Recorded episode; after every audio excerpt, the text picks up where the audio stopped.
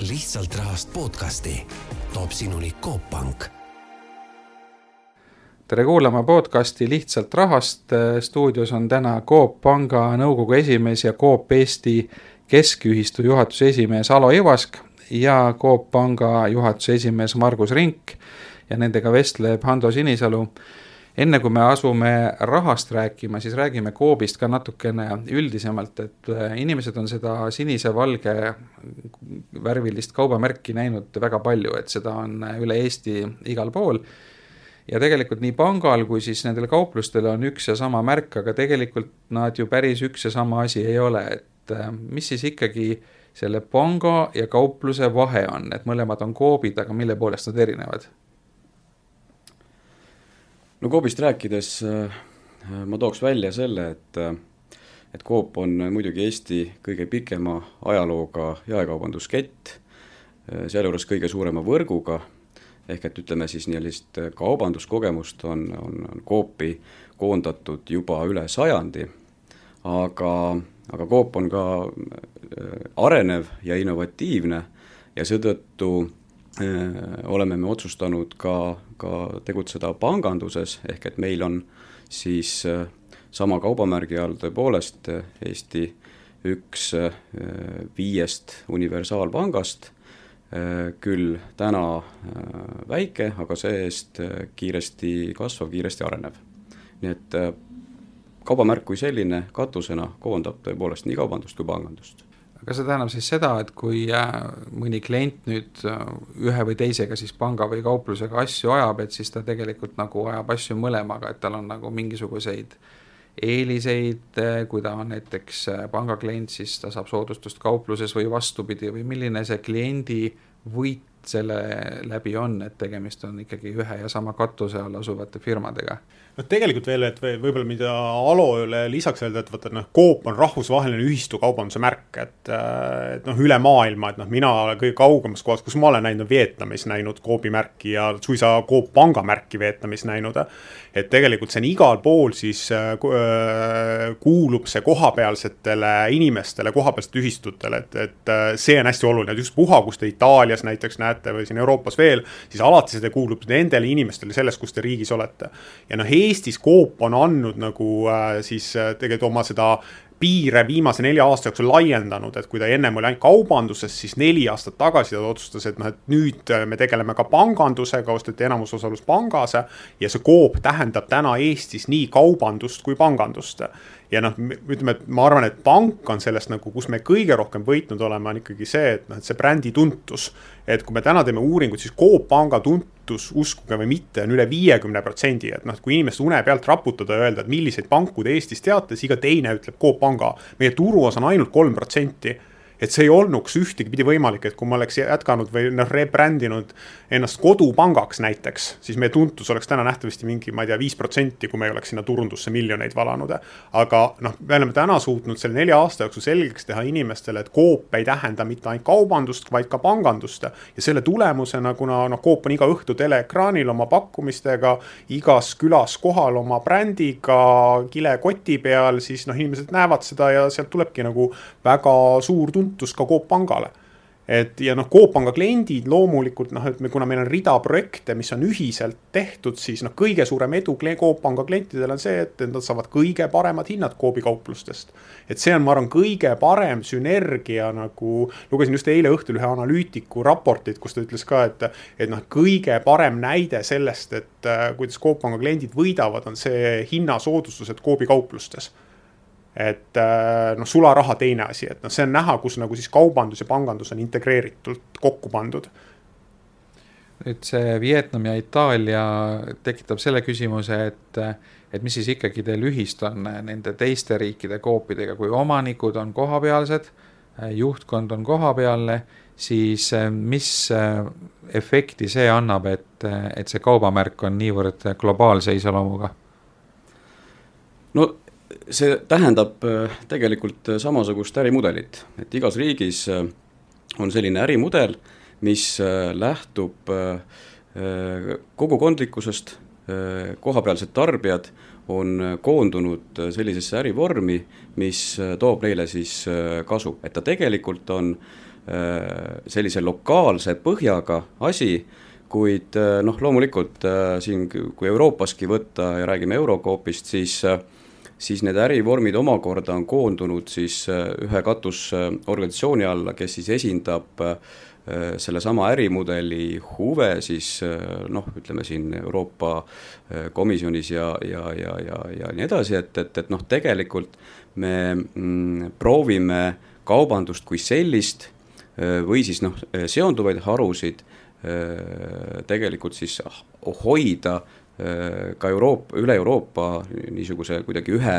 või ühtsete põhimõtete järgi või ühe joone peal, et, et see eeldab siis seda, et et tegelikult tuleb suhelda äh, kõikvõimaliku noh, seadusandja poolega ja, ja proovida siis äh, saada nii-öelda äh, noh, nende ärikeskkonna tingimusi noh, niimoodi seadusandjaga läbi rääkida ja neid siis võimalikult mõistlikult rakendada no me oleme keset kriisi taas ja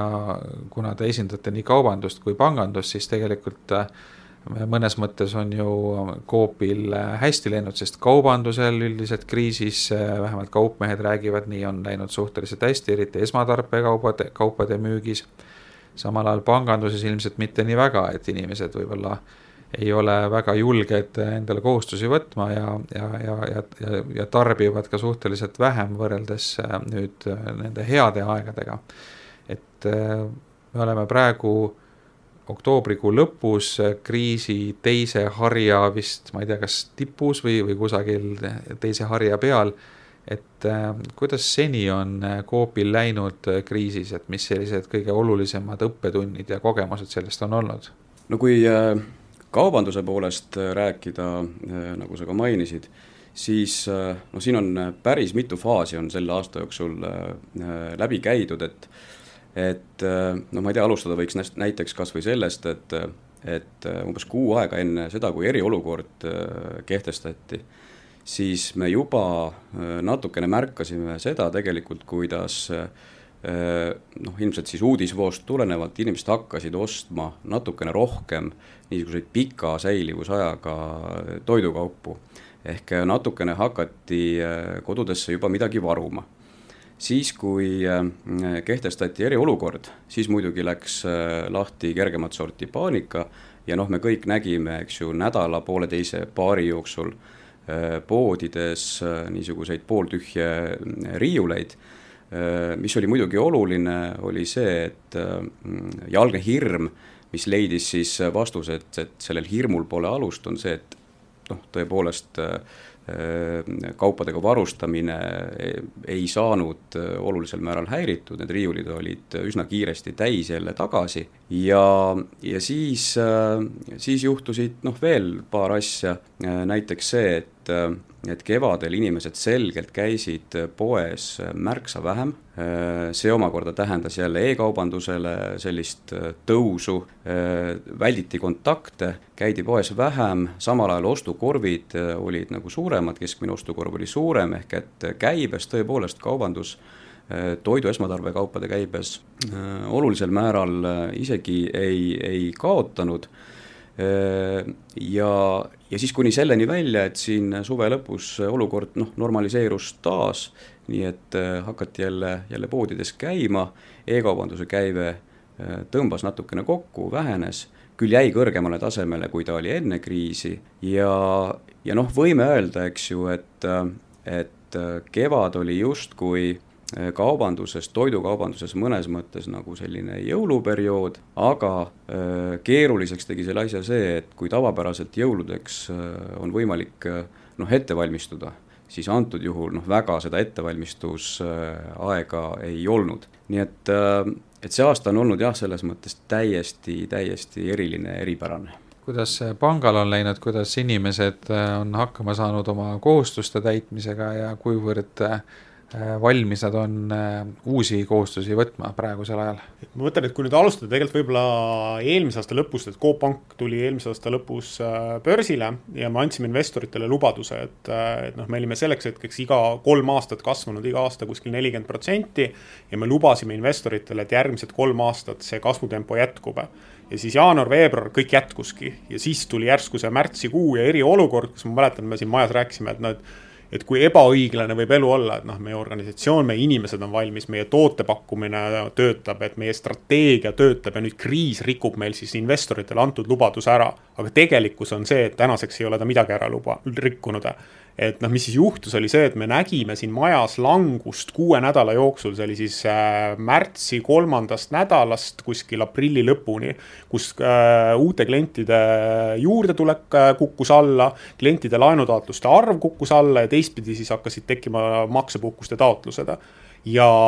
see, see tõesti oli ainult kuus nädalat, alates maikuust meie mahud olid järjekordselt nagu kuskil seal aasta alguse tasemel. et tegelikult Eestis ei kadunud selle kriisi käigus ära laenunõudlus, et äh, ja ei ole tänase hetkeni kadunud, et ainukene muutuja, mis siis tuli, oli see, et. Äh, et noh, kui meil on täna kuskil siin kaheksakümmend tuhat klienti, siis meil kaks tuhat klienti taotles maksepuhkust. ehk nagu, kui meie laenuportfell on täna kuussada miljonit, siis kõrghetkel meil üle viiekümne miljoni, et see on siis noh, võtame laias laastus kuskil kümme protsenti portfellist puhkas. ja tänaseks on sellest järgi jäänud kuskil kaheksasada klienti ja kuskil kolmkümmend miljonit puhkab. et noh, kliendid tulevad maksepuhkustelt välja, et, et,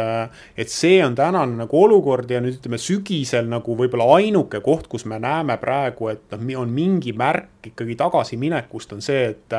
äriklientide laenunõudlus on äh, oluliselt turul langenud. mitte ainult Coop Pangas, vaid turule ja seda on näha ka sellest, et noh, ärikliendid on ettevaatlikud investeerimisotsuste tegemisel. me näeme, et nõudmine hoiustel oleva raha hulk kasvab väga kõvasti. et mis tähendab seda, et noh, raha ootab nagu kuskil ooteseisundis, et mis edasi saab. et kodulaenu nõudlus ei ole langenud, tarbimislaenude nõudlus ei ole langenud, auto, autoliisingu nõudlus kuskil suvel läks alla. nüüd sügisel on jälle üles tõusnud, et et noh, tegelikult nii nagu on mitmed korrad räägitud, et noh, see kevadine ehmatus tegelikult ikkagi päädis siin äh, äh, tegelikult äh, täiesti noh, ta oli natuke nagu põhjendamatu, et kardeti hullemat, kui tänaseks juhtunud on. aga me loomulikult oleme selles mõttes arvestanud, et nagu ma ütlesin, et noh, kolmkümmend miljonit laenuportfellist veel puhkab, et tõenäosus, et seal lõpus ikkagi on mingid kliendid, kes ei suuda hakata maksma, see on olemas ja selle tarbeks on kõik pangad tegelikult Eestis siis moodustanud täiendavaid, noh, seda nimetatakse provisjonideks või reservideks, et.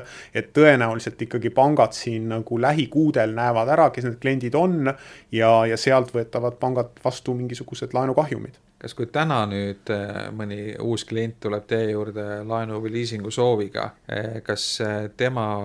maksevõime hindamisel on kriisi tõttu ka nüüd mingisuguseid muudatusi, kas te mingeid erilisi abinõusid olete tarvitusele võtnud või tugevdanud kuidagipidi taustakontrolli või midagi muud? ei, et, et noh, mida me kindlasti jah teeme, noh, me järjekord, noh, seda tehakse jätkuvalt ja, ja kogu aeg, et noh, et see maksevõime analüüs, et noh, kui klient on loomulikult olnud viimased kuus kuud näiteks töötu et noh, mida Eestis on tegelikult ikkagi väga vähe, siis noh, loomulikult sellisele kliendile nagu noh, me laenu täna anda ei saa et äh, aga noh, ka maksepuhkuste taotlemisel siin, et, et nagu no ma arvan, pangad ikkagi on noh, sellest eelmisest kriisist, kümne aasta tagusest kriisist ikkagi väga õppisid seda, et, et noh, et tehes äkilisi liigutusi, siis noh, saavad kõik valu, ei saa mitte ainult see klient valu, vaid noh, klient ei jõua siis maksta ja saab ka pank valu. et noh, ma arvan, et see kriis tehti oluliselt teistmoodi sellest, et noh, et üritati, kõik pangad üritasid klientidega kaasa mõelda ja leida lahendust, sest noh, oli õpitud, et, et käte väänamine viib mõlemale poolele valusa hetkeni. ja noh, täna me näeme, et, et noh, nagu ma ütlesin, et enamus nendest klientidest, kellele anti kuueks kuuks maksepuhkust, on uuesti alustanud maksmist. ja noh, oleme meie õnnelikud, on klient õnnelik. kas need kliendid, kes võtsid maksepuhkust ja nüüd uuesti alustasid äh, maksmist, kas nemad kuidagi, nende selline riskiaste on ka suurenenud teie jaoks, et kui nad nüüd millalgi lähiajal soovivad uut laenu või suurendada laenu või, või uut liisingut võtta, et kas neid kuidagi vaadatakse teistmoodi ka, et see asjaolu, et nad vahepeal olid puhkusel? ei no kindlasti see, see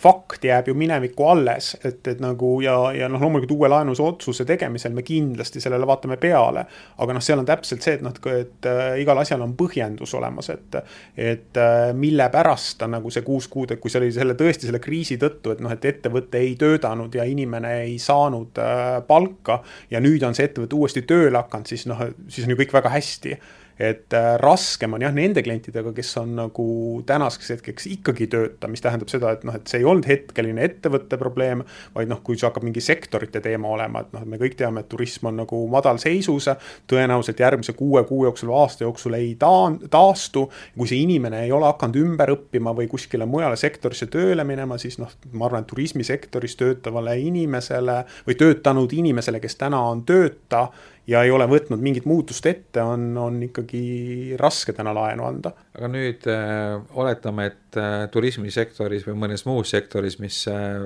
selle viiruse tõttu sai rohkem kannatada töötanud inimene, on maksepuhkusel ja ta ei ole jätkuvalt või õigemini see ettevõte, kus ta töötas, pole jätkuvalt äh, jalgu alla saanud, taaskäivitanud, et äh, mis need stsenaariumid on, et kui kaua te kannatate, ehk et kui pikaks seda maksepuhkust võib venitada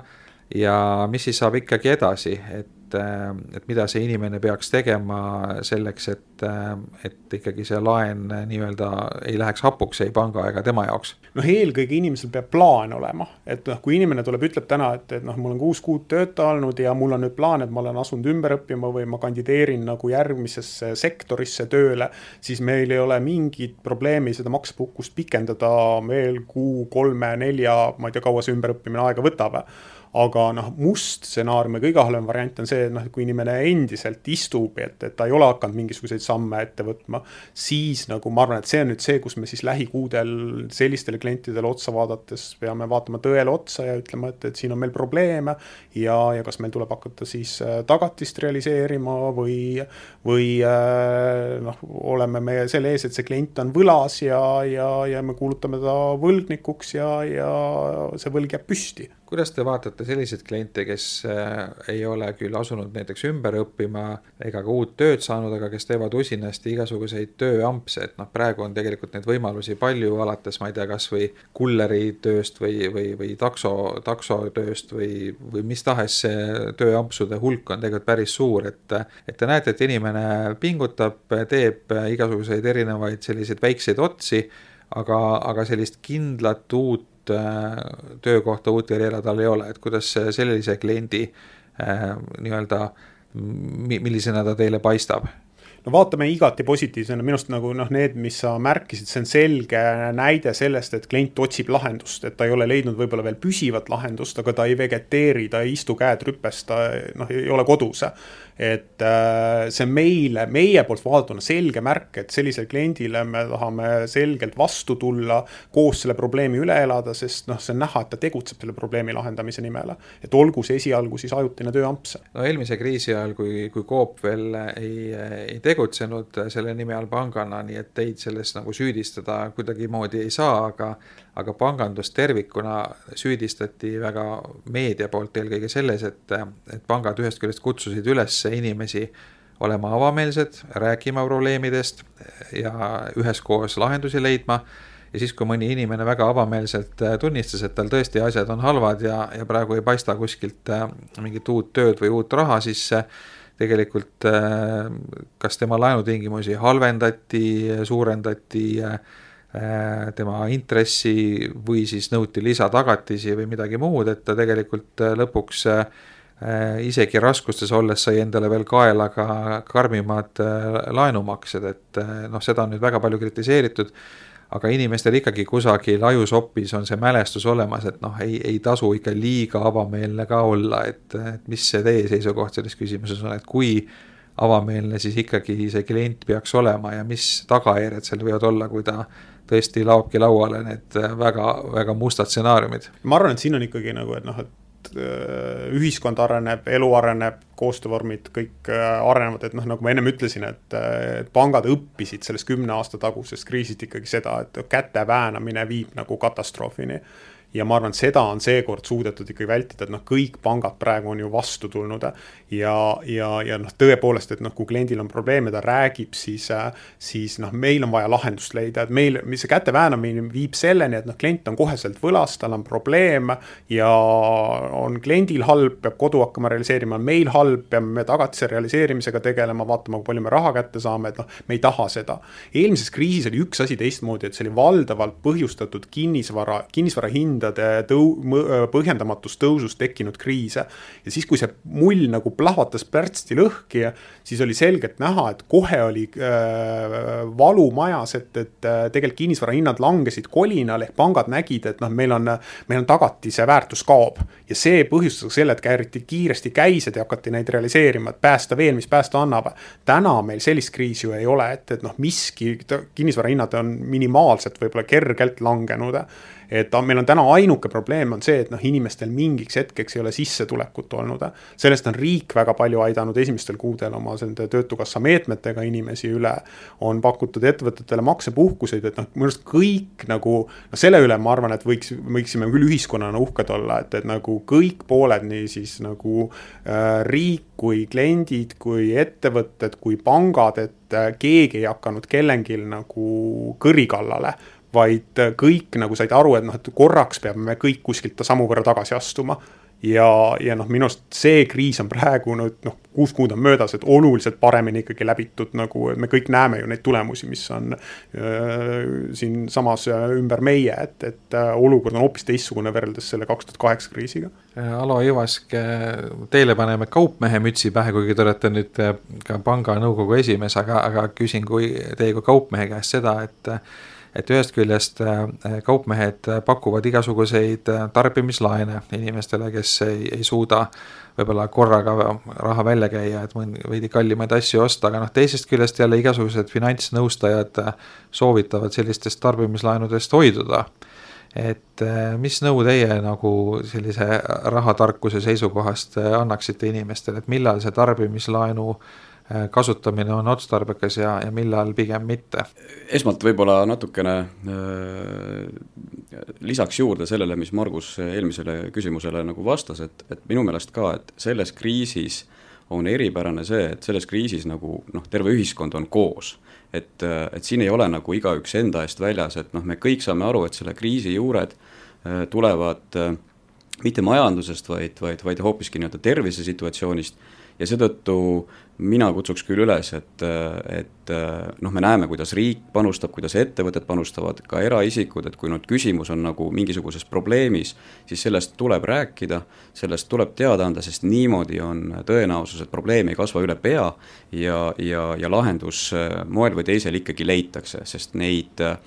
nii-öelda meetmeid, millega, millega abi noh, pakutakse, neid on märksa rohkem, kui oli eelmine kord. aga, aga nüüd vastus äh, su küsimusele äh,, noh, ma arvan, et peamine on ikkagi see, et äh, hästi selline äh, inimene peab ise läbi mõtlema, et äh, mis äh,, mis on tema kulutuste niisugune struktuur, kus on tema piirid, et mis hetkest alates äh, muutub Äh, noh, nii-öelda ost millekski selliseks, mida võib-olla ei ole nii väga vaja,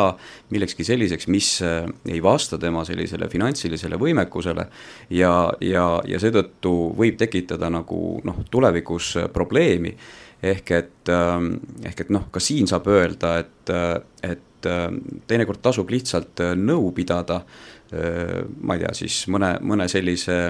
inimesega, kelle kohta ta nagu teab, et kes, kes nagu võib-olla finantsasjades äh, oskab, oskab nõu anda. ja, ja peamine on ikkagi proovida äh, vältida selle nii-öelda piiri ületamist, kust alates hakkavad probleemid kuhjuma. kuni selle piirini, ma arvan, inimesed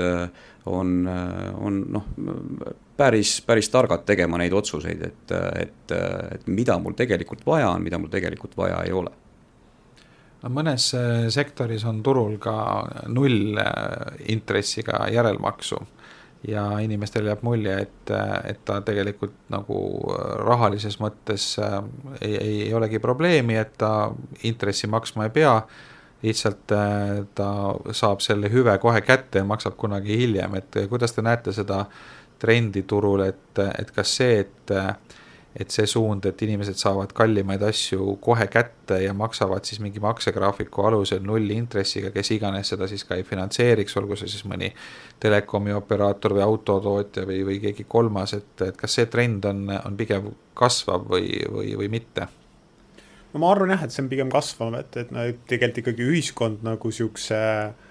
noh, liigub äh, hea, noh, ma arvan, et me ikkagi järjest rohkem oleme väga heaoluühiskonnas ja, ja, ja me kõik tahame, et elu oleks parem ja, ja noh, kõik see, mis Eestis on viimase kahekümne, kolmekümne aasta jooksul toimunud, et, et see on ju suund paremuse poole olnud, et et inimesed tahavad äh, rohkem elu nautida ja, ja loomulikult see hüvede ettepoole toomine oma elus, et, et noh, et ma mitte oma seda unistuste maakodu ei saa kuuekümne aastasena, kui mul suurtega võib-olla midagi peale hakata ei ole, vaid ma saan ta neljakümne aastaselt kätte ja maksan pigem seda laenu tagasi või, või on see kellelgi nagu tõepoolest parem äh, telekas või, või, või ma ei tea äh,, telefon, et, et nagu ma arvan, et see kõik jah, pigem liigub sinnapoole, et, et inimesed on valmis võtma endale kohustust maksta tulevikus selle eest, aga tahavad tarbida kohe. ja see noh, kui on see nullintressiga, noh, nullintressi tegelikult selles mõttes ei ole olemas, et keegi maksab selle ikka kinni, et, et nagu, et, et on see siis nagu see kaupmees, kes maksab selle kinni või, või teeb siis tõesti finantseerimispakkuja kuskilt nagu mingi teisest kohast selle raha tagasi, et keegi maksab selle. aga kui kliendile tõesti pakutakse nullintressiga, et noh, et, et osta endale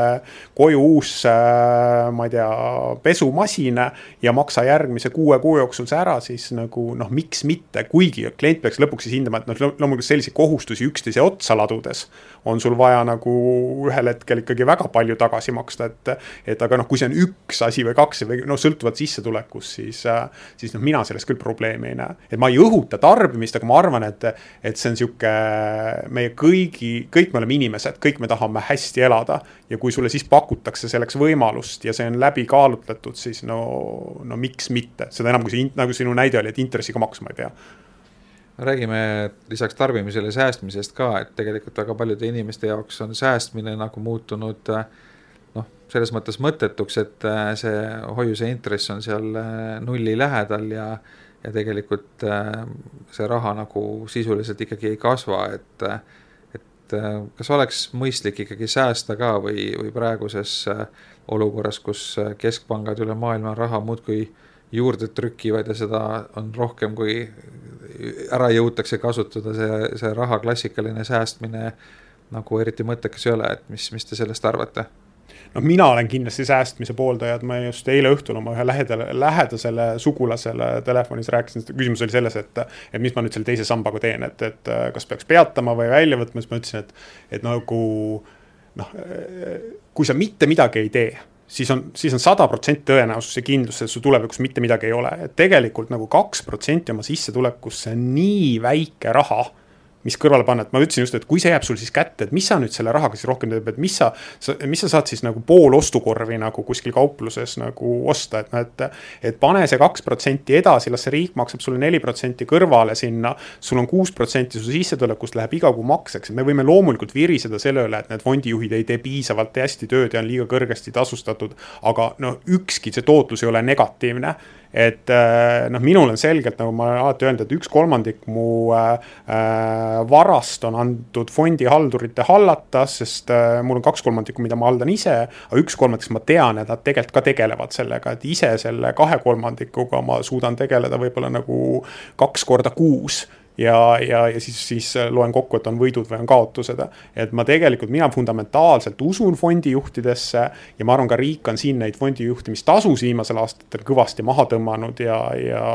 ja selles mõttes ikkagi regulaarne säästmine selleks, et sul tulevikus oleks millegist elada. siis noh, ma kirjutan kahe käega alla ja mina isiklikult äh, teise sambaga jätkan, ei peata makseid, ei võta midagi välja ja just sellepärast, et see on nii väike raha täna aga sellest võib olla tulevikus nagu mulle ikkagi väga oluliselt abi. kaupmees Alo, et äh, kui inimesed võtaks raha fondist välja ja tarbiks ja viiks selle näiteks Coopi poodidesse, et kas see poleks tore väljavaade? Noh, ma ikkagi ähm, toetan siin seda mõtet, et noh, minu meelest on, on ikkagi selline vastutustundlik finantskäitumine noh, iga üksikisiku jaoks või leibkonna jaoks selles mõttes oluline, et sul peavad olema mingid puhvrid, mingid reservid, sest päeva lõpuks ja, ja korralik nii-öelda riskikäitumine, sest päeva lõpuks, kui sa nendes kahes punktis noh, eksid, siis, siis tegelikult ei võida sellest mitte keegi, noh antud juhul ei, ei siis pangandus ega ka see rõõmus kaupmees, et noh, mis kasu on kaupmehel kliendist, kes tuleb ühe korra ja ostab korraga palju, aga siis võib-olla mitu aastat enam ei, enam ei suuda nii-öelda, nii-öelda, nii-öelda suuremaid oste teha, eks ju, et, et selles mõttes ma arvan, et, et, et noh, niimoodi suures pildis on ikkagi kõige olulisem see, et mida rohkem on selliseid vastutustundlikult käituvaid äh, inimesi, ükskõik tarbijana, laenajana, seda parem noh, tegelikult kõigile turuosalistele. Nojah, kui nii võtta, siis kui see tarbija nüüd täna oma pensioniraha äh, ära tarbib, siis võib-olla noh, kümne aasta pärast, kui ta pensionile jääb, siis ta on vaesuses, vireleb ja siis ei, ei tule ta üldse teie poodi. jah, noh, ütleme, et äh, siin on äh, kaubandusest rääkides äh, noh, võib-olla natukene äh, saab niimoodi erinevalt vaadata, et ütleme, et toidukaupa vajavad kõik, et noh, päris nulli see ei saa minna, et mingisugust toitu, esmatarvet me kõik vajame ja, ja noh, kui ütleme, on kehvemad ajad või, või sissetulek peaks langema, et noh, siis lihtsalt ostukorv väheneb. aga, aga kindlasti kaubandusel on äh, ka see pool, mis noh, näiteks ka selles kriisis pigem on äh,, ei ole nii, nii väga õitsenud midagi, et, et kui me räägime siin sellistest kestvuskaupadest, garderoobikaupadest ja kõigest sellest poolest, siis noh, seal me näeme ikkagi tegelikult ka äh, languse numbreid äh,, mis ei pruugi olla otseselt seotud nüüd äh, sellega, et noh, et töötus on siin kasvanud ja, ja sissetulekud vähenenud, aga aga mõnes mõttes ka see äh, kevadine kodus istumine on sellele tarbimisstruktuurile andnud sellise, sellise mustri lihtsalt, et et noh, sul ei kulu nii-öelda piltlikult öeldes riideid, eks ju, et, et sa ei käi eh, või noh, ei, ei käidud nagu väljas, eks, et et ähm, aga jah, ähm, üldiselt ähm, arvan ma, et selline mõistlik, äh, ratsionaalne, läbimõeldud, pikaajaline tarbimine on tegelikult see mis nii panganduses kui kaubanduses, ma arvan, kõigile osapooltele meeldib. no Coop äh, kaupluste tuntud lojaalsuskaart on säästukaart ja sellega saab erinevaid soodustusi, aga kas äh,